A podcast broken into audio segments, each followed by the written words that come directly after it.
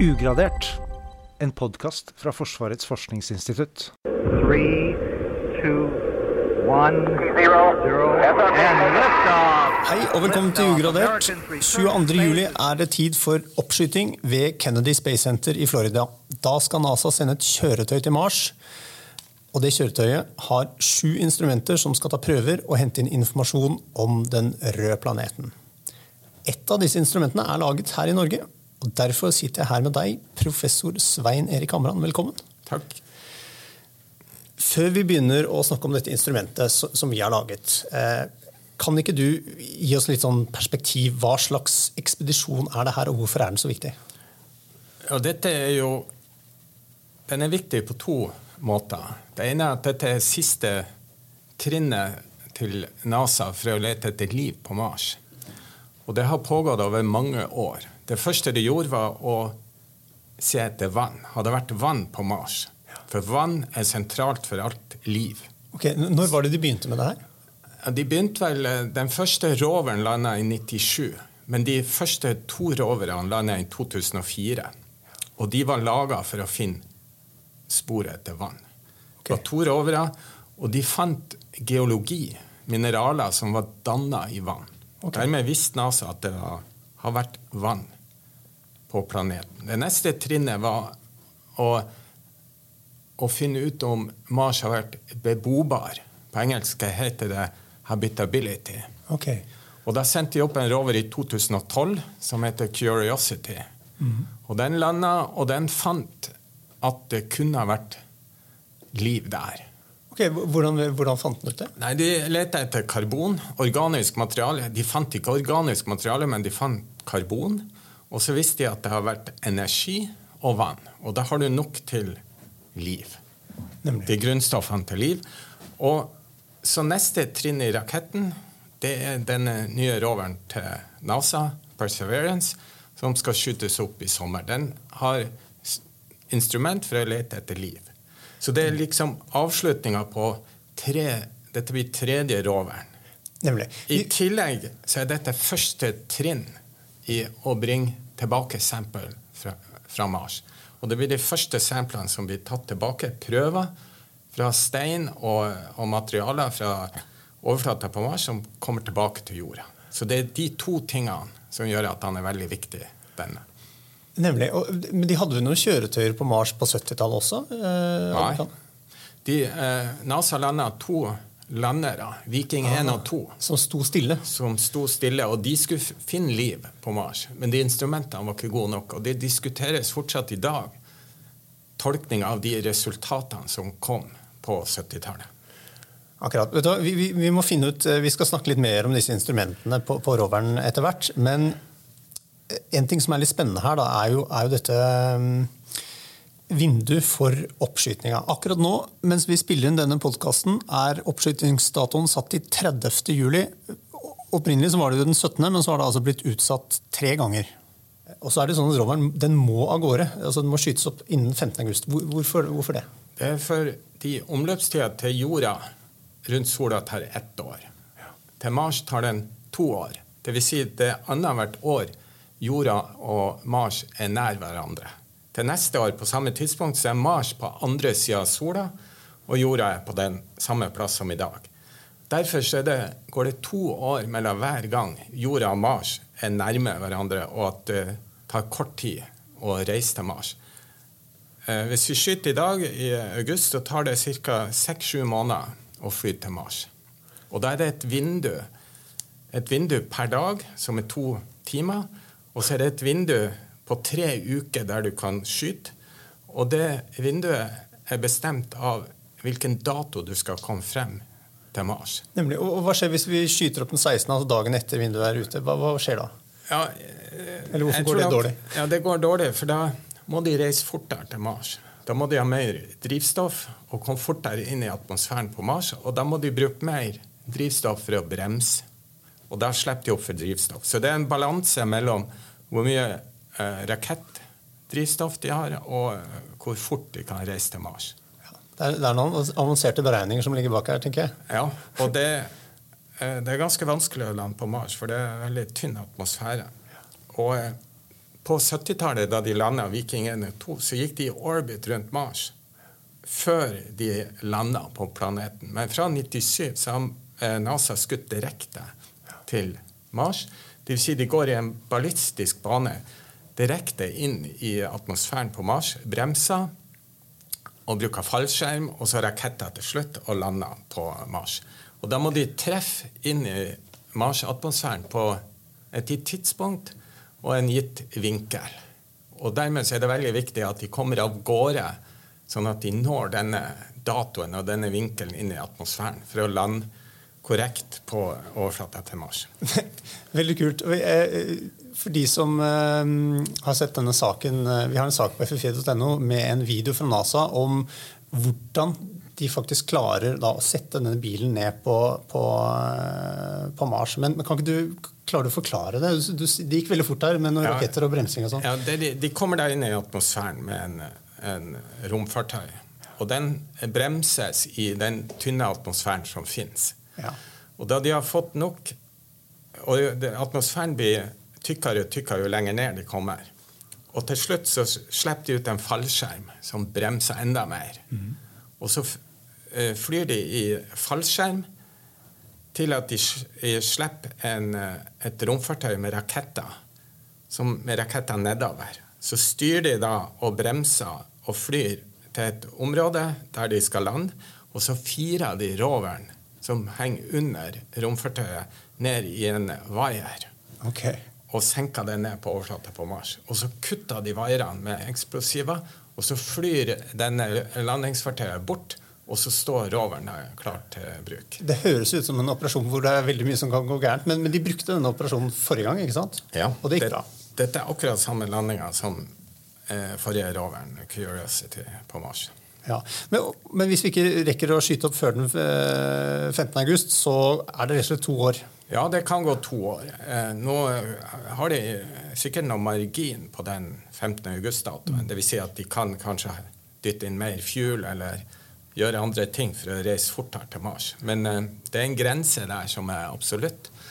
Hvis du ikke kommer av gårde før den datoen, så rekker du ikke fram til den datoen du må inn i atmosfæren på Mars. Ikke sant, og Det er vel ikke helt gratis å sette en sånn eh, operasjon som dette på pause i to år heller? Nei, det koster veldig mye penger. Det, det er flere Den forrige landeren på Mars, Insight, den ble utsatt i to år pga. et instrument som ikke de fikk til å bygge.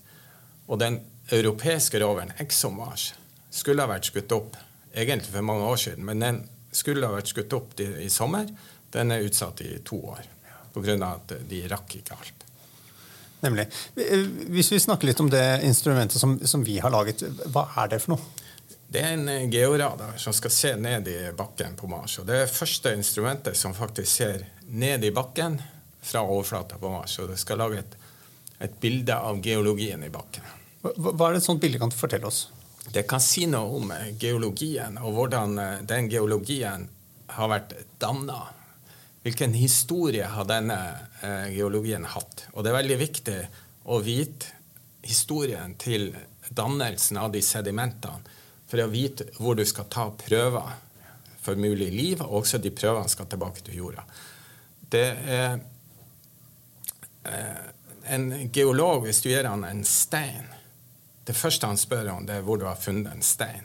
Dvs. Si kontekst. Området rundt stein er veldig viktig å vite. Og dermed så jobbes det nå i prosjektet, og med prosjektet så mener jeg det vitenskapelige teamet som jobber med Mars 2020, eller Perseverance-roveren, der jobbes det nå med protokoller om som, hvilken type informasjon skal samles inn for hver prøve som, som samles inn og skal tilbake til jorda.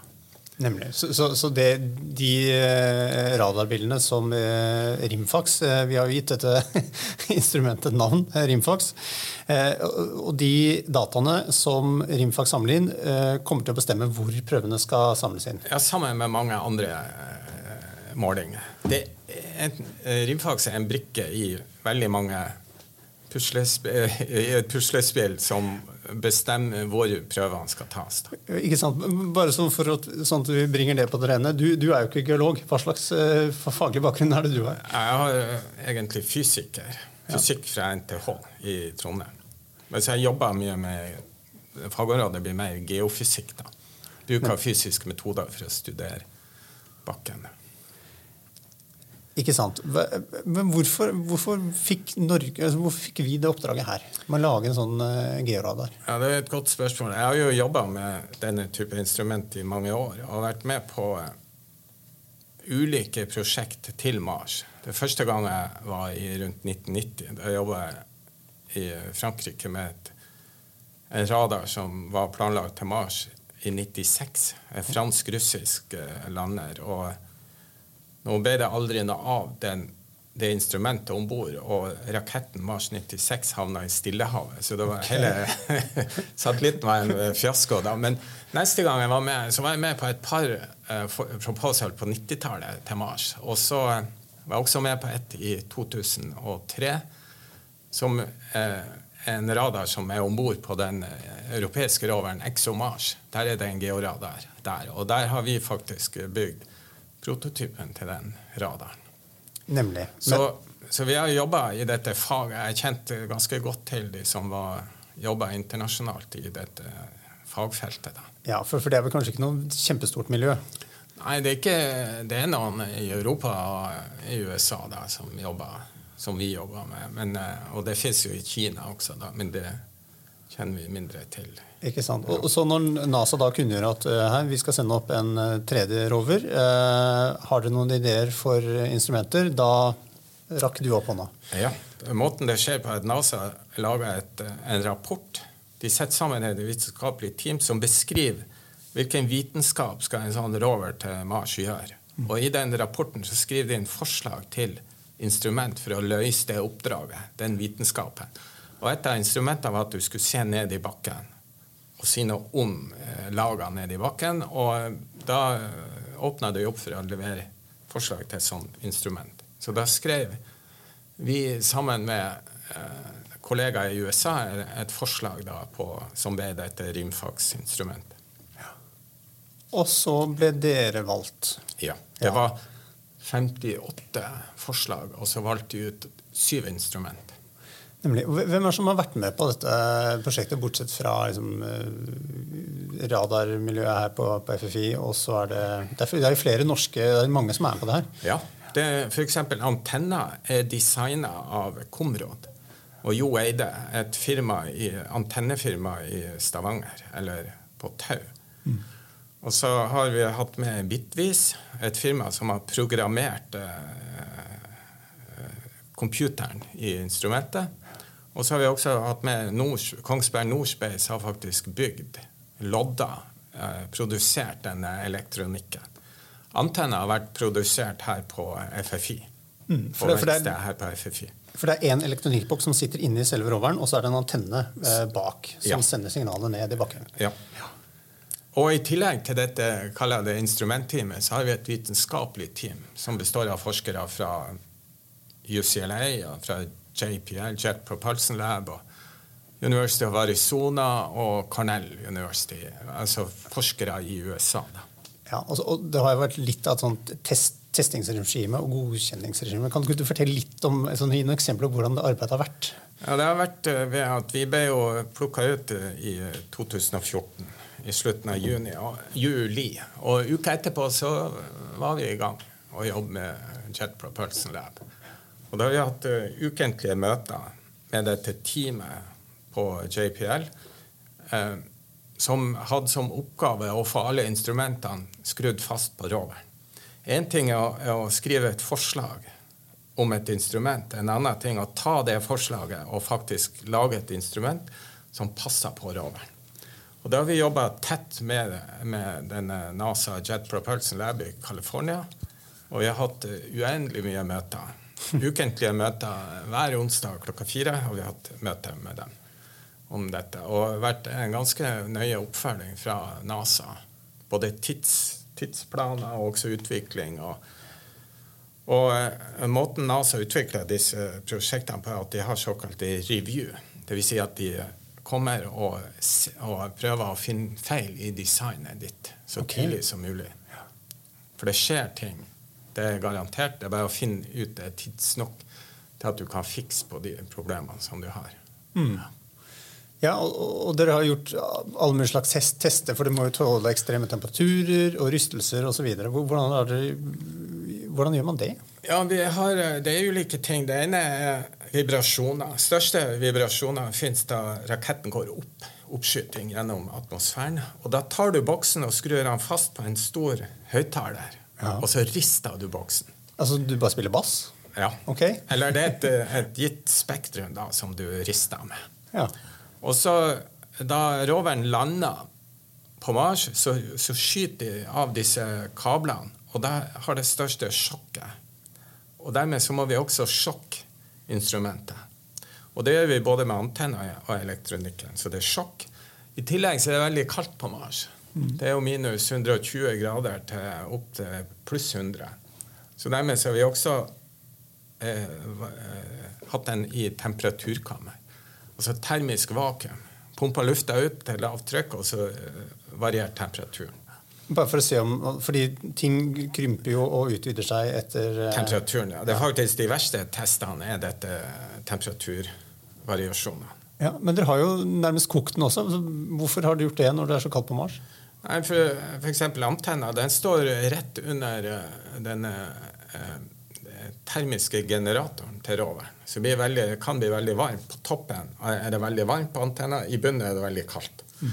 Så, eh, og NASA har sånne krav til temperaturområder der, som du må teste utstyret i. Om du er ut, utendørs på Mars, antenna er utvendig, og elektronikken er innvendig. Den er i temperert sone på roveren. Akkurat. Og, men nå er jo alt, alt testen er ferdig. Eh, instrumentet er montert på roveren, og den står klar. Eh, Ja. Men hvilke andre instrumenter er det som er på denne, dette kjøretøyet? Ja, det, det er fem såkalte vitenskapelige instrument og to som er fra uh, Human Mission, altså eh, menneskelig aktivitet på Mars, som finansierer de instrumentene. De to, Det ene er Moxie, som skal lage oksygen av karbondioksidet på Mars. Og så er det MEDA, som er en værstasjon, avansert værstasjon, eh, og analyserer vær og, støv og, den type ting på Mars. Så det er de to instrumentene som er kobla opp mot eh, Mulig framtidig menneskelig eksperiment. Nemlig Ja, ja. for å se, fordi da må man jo ha nok oksygen hvis mennesker skal klare å være der over lengre tid. Ja.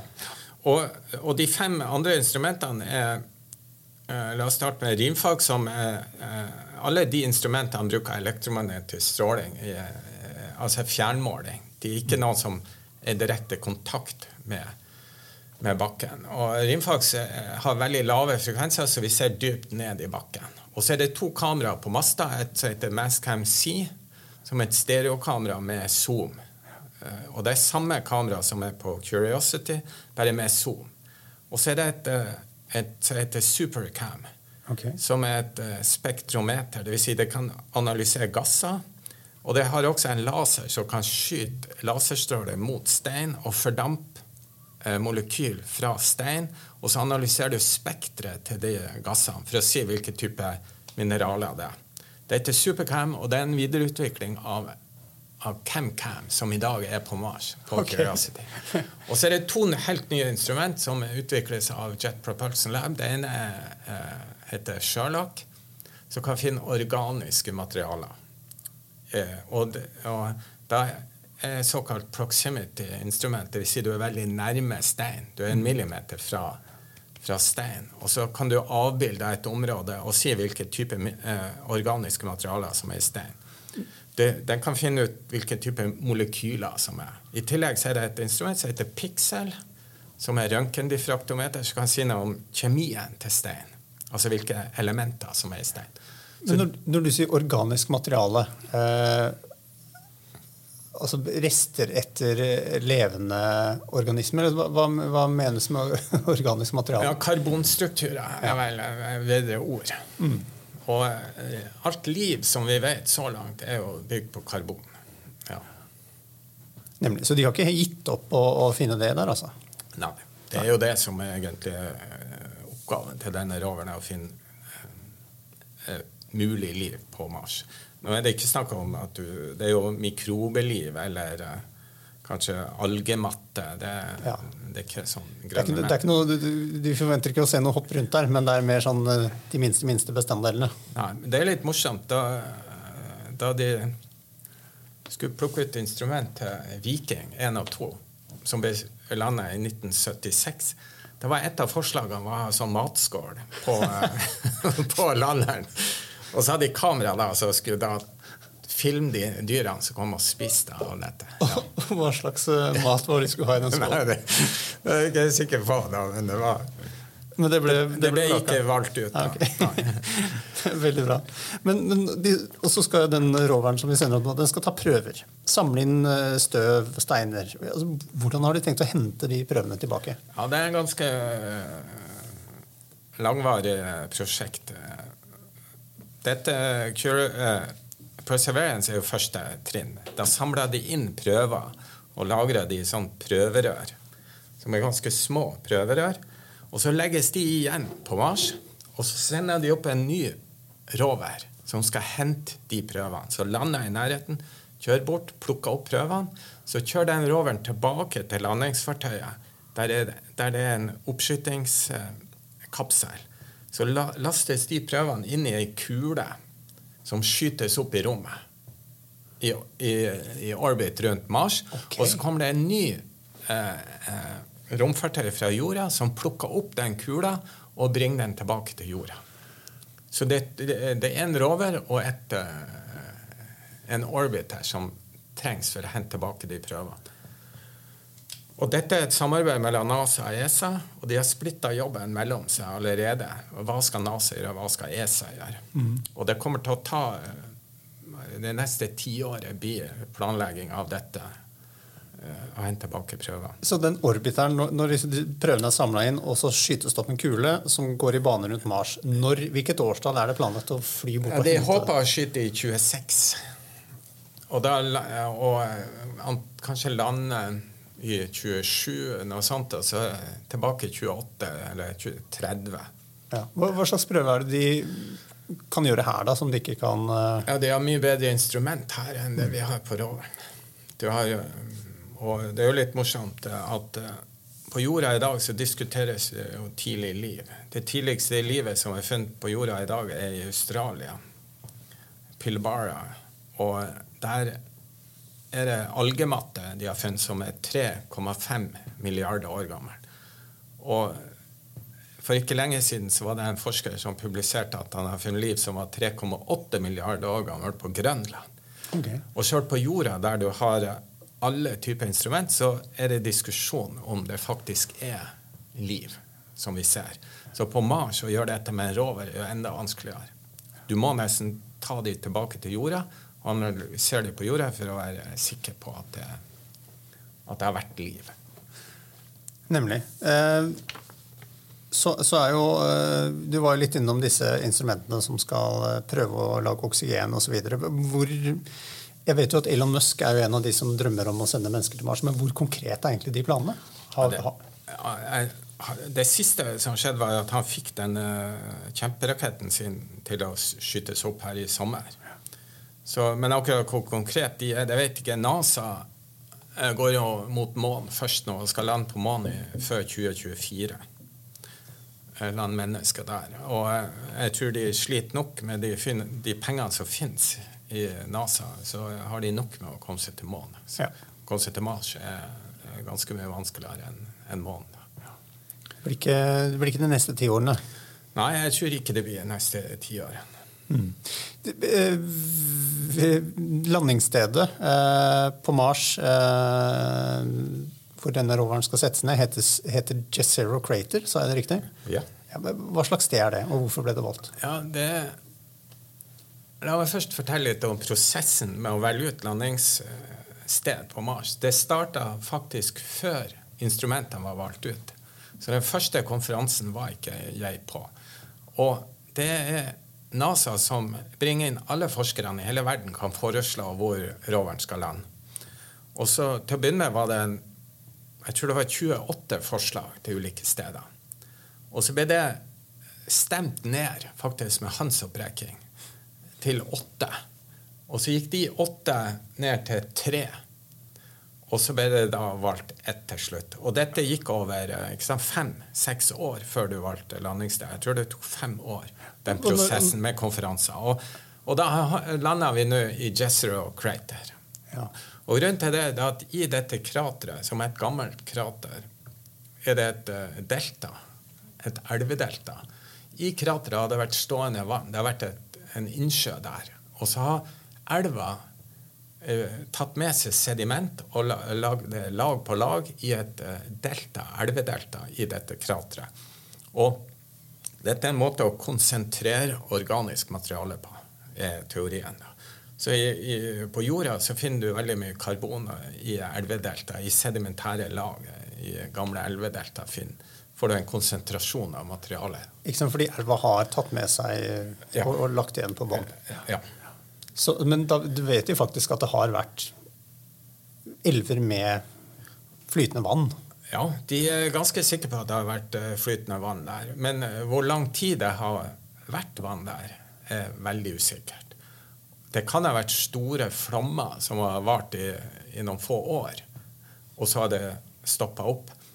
Og det området, For å finne liv på Mars så må du gå eh, tilbake til nesten 4 milliarder år. Solsystemet er jo 4,5 milliarder år. Og, og du må tilbake til nesten 4 milliarder år for, å, for å, å finne potensielt liv på Mars. Så det er de gamle steinartene på Mars at vi leter etter liv. Og nå er jo Mars ikke såkalt geologisk aktiv. Det er ikke platetektonikk. På jorda så flytter jo kontinentene seg, men på Mars så er alt stille. Derfor har det ikke skjedd så mye på Mars. På- Det er lettere å finne ting det fra å finne ting på Mars. Ja, på Mars. På jorda så må det et lite område på Grønland som er 3,9 milliarder år, og så må det et lite område i Australia som er 3,5 milliarder år gammelt. Men ellers så er jorda ikke så gammel. Nei, resten er bare elta og Ja. Ja. transformert. Og. Men, men hvorfor må vi fire milliarder år tilbake? Eller hvordan vet vi det? På, Nei, altså, livet på jorda starta jo da 3,5 milliarder år gammel. Og de regna med at det samme kunne ha skjedd på Mars. For rundt 3,5 milliarder år gammel så, så forsvant egentlig vannet på Mars. Og det ble en kald steinørken. Ja. Så de siste årene, milliarder år, så har det ikke skjedd noe på Mars. Det kunne ikke ha vært liv på Mars, sånn som vi tenker på liv. Men Hva er det som gjorde at vannet forsvant? Altså Atmosfæren nå er veldig tynn. Ja, veldig tynn. Og der er jo diskusjonen. En eh, rådende teori er jo at magnetfeltet forsvant på Mars. Det, det er ikke noe globalt magnetfelt på Mars. Uh, og det, dette betyr at en solvind ikke stoppa i magnetfeltet. På jorda så har vi et, et magnetfelt som skjermer oss fra kosmisk stråling. Men på Mars så har denne solvinden kanskje blåst bort eh, atmosfæren på Mars. Ikke sant? Ja. Veldig spennende. Um, tilbake til jorda. Nå er det som sagt uh, bare noen eh, dager igjen til oppskyting. Eh, og det har vært noen veldig spesielle måneder nå i innspurten av dette prosjektet. Eh, jeg vet at det er mange av dere som hadde bestilt tur over med familien. Eh, nå blir jo alt dette avlyst. Hvordan er opplegget rundt oppskytinga nå? Nei, det er, jo, det er jo en viss usikkerhet med data for oppskytinga. For det første så har vi jo hatt to utsettelser allerede. Og så har du været i Florida som kan være vanskelig. Nå er vi heldige der ved at oppskytingsvinduet, som er to timer per dag, er, er på formiddagen. Og været er bra på formiddagen i Florida.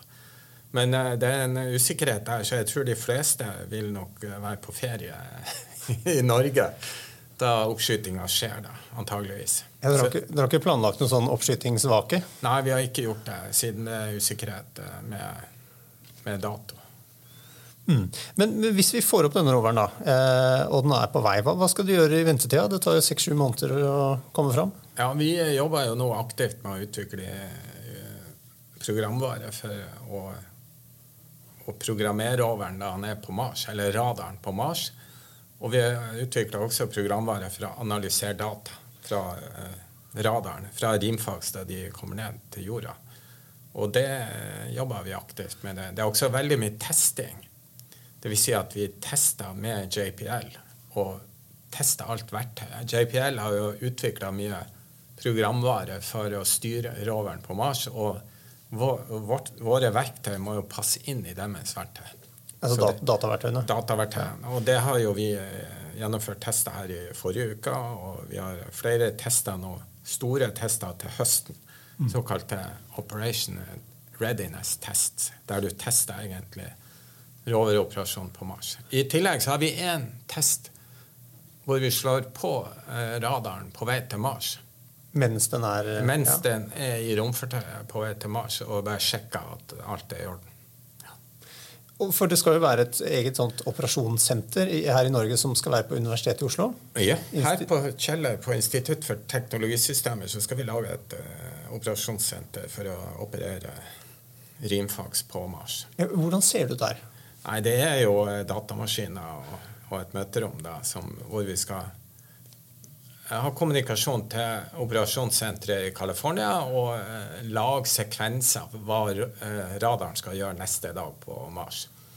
Så det er en sånn Du programmerer roveren hva, hva den skal gjøre neste dag, sender opp denne koden, så gjør roveren det du ber den om å gjøre, og så får du dataen ned. Har, Neste. har dere noe direktelink til roveren, eller går det, alt dette via Alt går via eh, NASA JPL, som sender det via sitt Deep Space Network til orbiter rundt Mars. Som sender det ned til roveren, og så data fra roveren går via orbitere rundt Mars okay, og tilbake igjen. Og det, er- det er ulike rovere. og eh, Perseverance kan bruke alle orbiterne NASA har rundt Mars. å. Perseverance er den som skal skytes opp nå? Ja, det er Mars 2020-roveren. Ja. Yes, uh, i tillegg til, altså, nå skal jo uh, Radaren skal samle inn masse data um, om hva som befinner seg under overflaten. Um, kan vi lære noe annet av Rimfax? Uh, altså, kan dette fortelle oss noe som vi kan ha nytte av her på, på jorda? Det er jo et godt spørsmål om vi kan nyttiggjøre det på jorda. Den er jo lagd for å studere Mars, egentlig. Men vi har brukt denne type teknologi for å Den brukes jo for å finne vikingskip. Det er jo en georadar, så det er jo sånn de fant det nye vikingskipet eh, i eh, Østfold. Ja. Så eh, den type teknologi brukes jo i dag på, på jorda. Jeg har jo brukt den veldig mye på Svalbard og se på isbreer og sånn. Og permafrost på, på Svalbard. ja. Og rimfags, det, det hele Perseverance-oppdraget er jo å finne gammelt liv. Da skal du se på gammel geologi. Tidlig historie. Men det fins jo en moderne Mars også. Dvs. Si, klimaet i dag på Mars. Hva skjer i dag på Mars? Hvilken vei er planeten i retning da? Og, og det, det er en del eh, interesse for det også i teamet. da. Så Vi ser jo også på muligheten for å bruke rimfags for å studere vekselvirkninger mellom atmosfæren og bakken på Mars. Altså ved at det blir vanndamp i, i overflata på, på Mars. Og si noe om moderne Mars, klimaet på Mars i dag. Og kanskje vi kan finne is eller vann. Nå lander vi veldig nært ekvator, og da er det ikke sjanse for å finne is og vann i bakken stor, da. men det kan fortsatt være muligheter for det. Og grunnen til at det er liten sjanse for det, er fordi det er så Varmt. ja. Selv om det er kaldt, så har det ikke vært atmosfære. Det har vært kaldt i mange år, og eh, trykket er veldig lavt. Så ved dagens trykk og temperatur så sublimerer vannet, det vil, isen, dvs. Si den går direkte fra is til vanndamp. Vann kan ikke eksistere på overflata på Mars. Det begynner å koke med en gang. rett og slett. Begynner å koke med en gang. Det er litt det vil- samme som at kokepunktet er lavere på Mount Everest, og på Mars er det så lavt trykk at vannet bare Ja, fordamper rett ut. Og, og det som skjer, er at is i bakken også fordamper ut. Så isen forsvinner sakte, men sikkert nedover i bakken. Og forsvinner ut i atmosfæren. Veldig spennende. Vet du hva, Svein Erik? Eh, Tusen takk for at du kom hit i dag, og eh, lykke til eh, til deg og resten av teamet ditt framover. Vi krysser fingrene. Takk, takk.